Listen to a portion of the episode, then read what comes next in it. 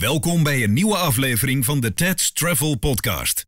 In deze wekelijkse podcast bespreekt uitgever Tom van Apeldoorn met de hoofdredacteuren Theo de Reus en Arjen Lutgendorf de ontwikkelingen in de reisbranche. Tips, suggesties en vragen zijn altijd welkom en mogen per e-mail naar tom@travelpro.nl. Veel luisterplezier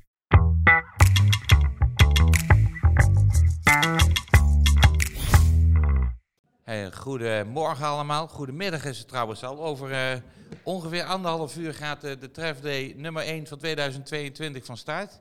Ik heb eh, voor me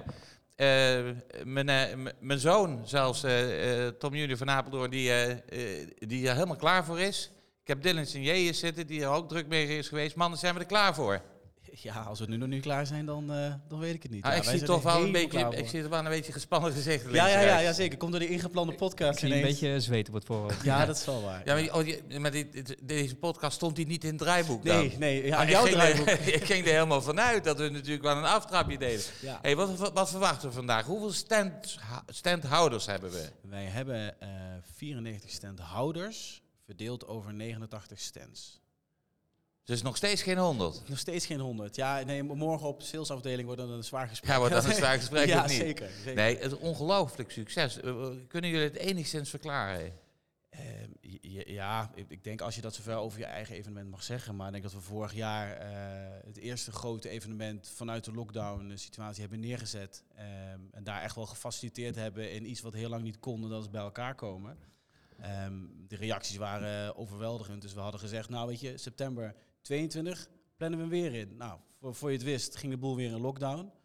En toen ging de boel ook weer heel snel weer open. Dat Dylan en ik ook elkaar aankijken op kantoor van denk jij wat ik denk? En zei, ja, we gaan eens kijken of we niet wat eerder nog een Tref Day kunnen gaan plannen. Want ja, na de vorige Tref Day waren er weinig bijeenkomsten waar je met zulke getalen bij elkaar eh, kon komen. Dus ja, Ja, maar dat heeft verder niks te maken dat wij gewoon een heel goed bedrijf zijn en heel scherp aan de wind zeilen, of? Eh, eh, eh, ja het is lastig om dat over jezelf te zeggen. Nou, Ja, ik vind ik, bij deze een compliment aan jullie dat, dat het er weer allemaal staat.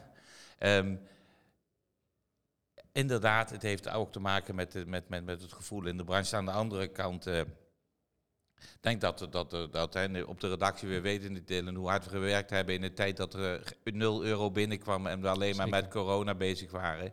Ja, Ja.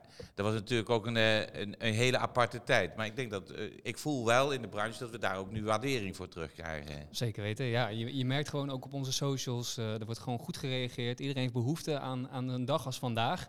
Ondanks dat ze het heel druk hebben, want de boekingen die gaan natuurlijk eh, keihard op dit moment. Toch eh, zie je toch wel een paar honderd mensen die zich aanmelden voor een dag als vandaag. Een Dus paar de honderd is groot. 200, maar ik hoop toch dat het er Nee, meer nee zijn. zeker wel. Met meer dan 500 eh, ja, zelfs. Dus, meer, eh, meer dan ja. 500 bezoekers. En dat is dan los van de...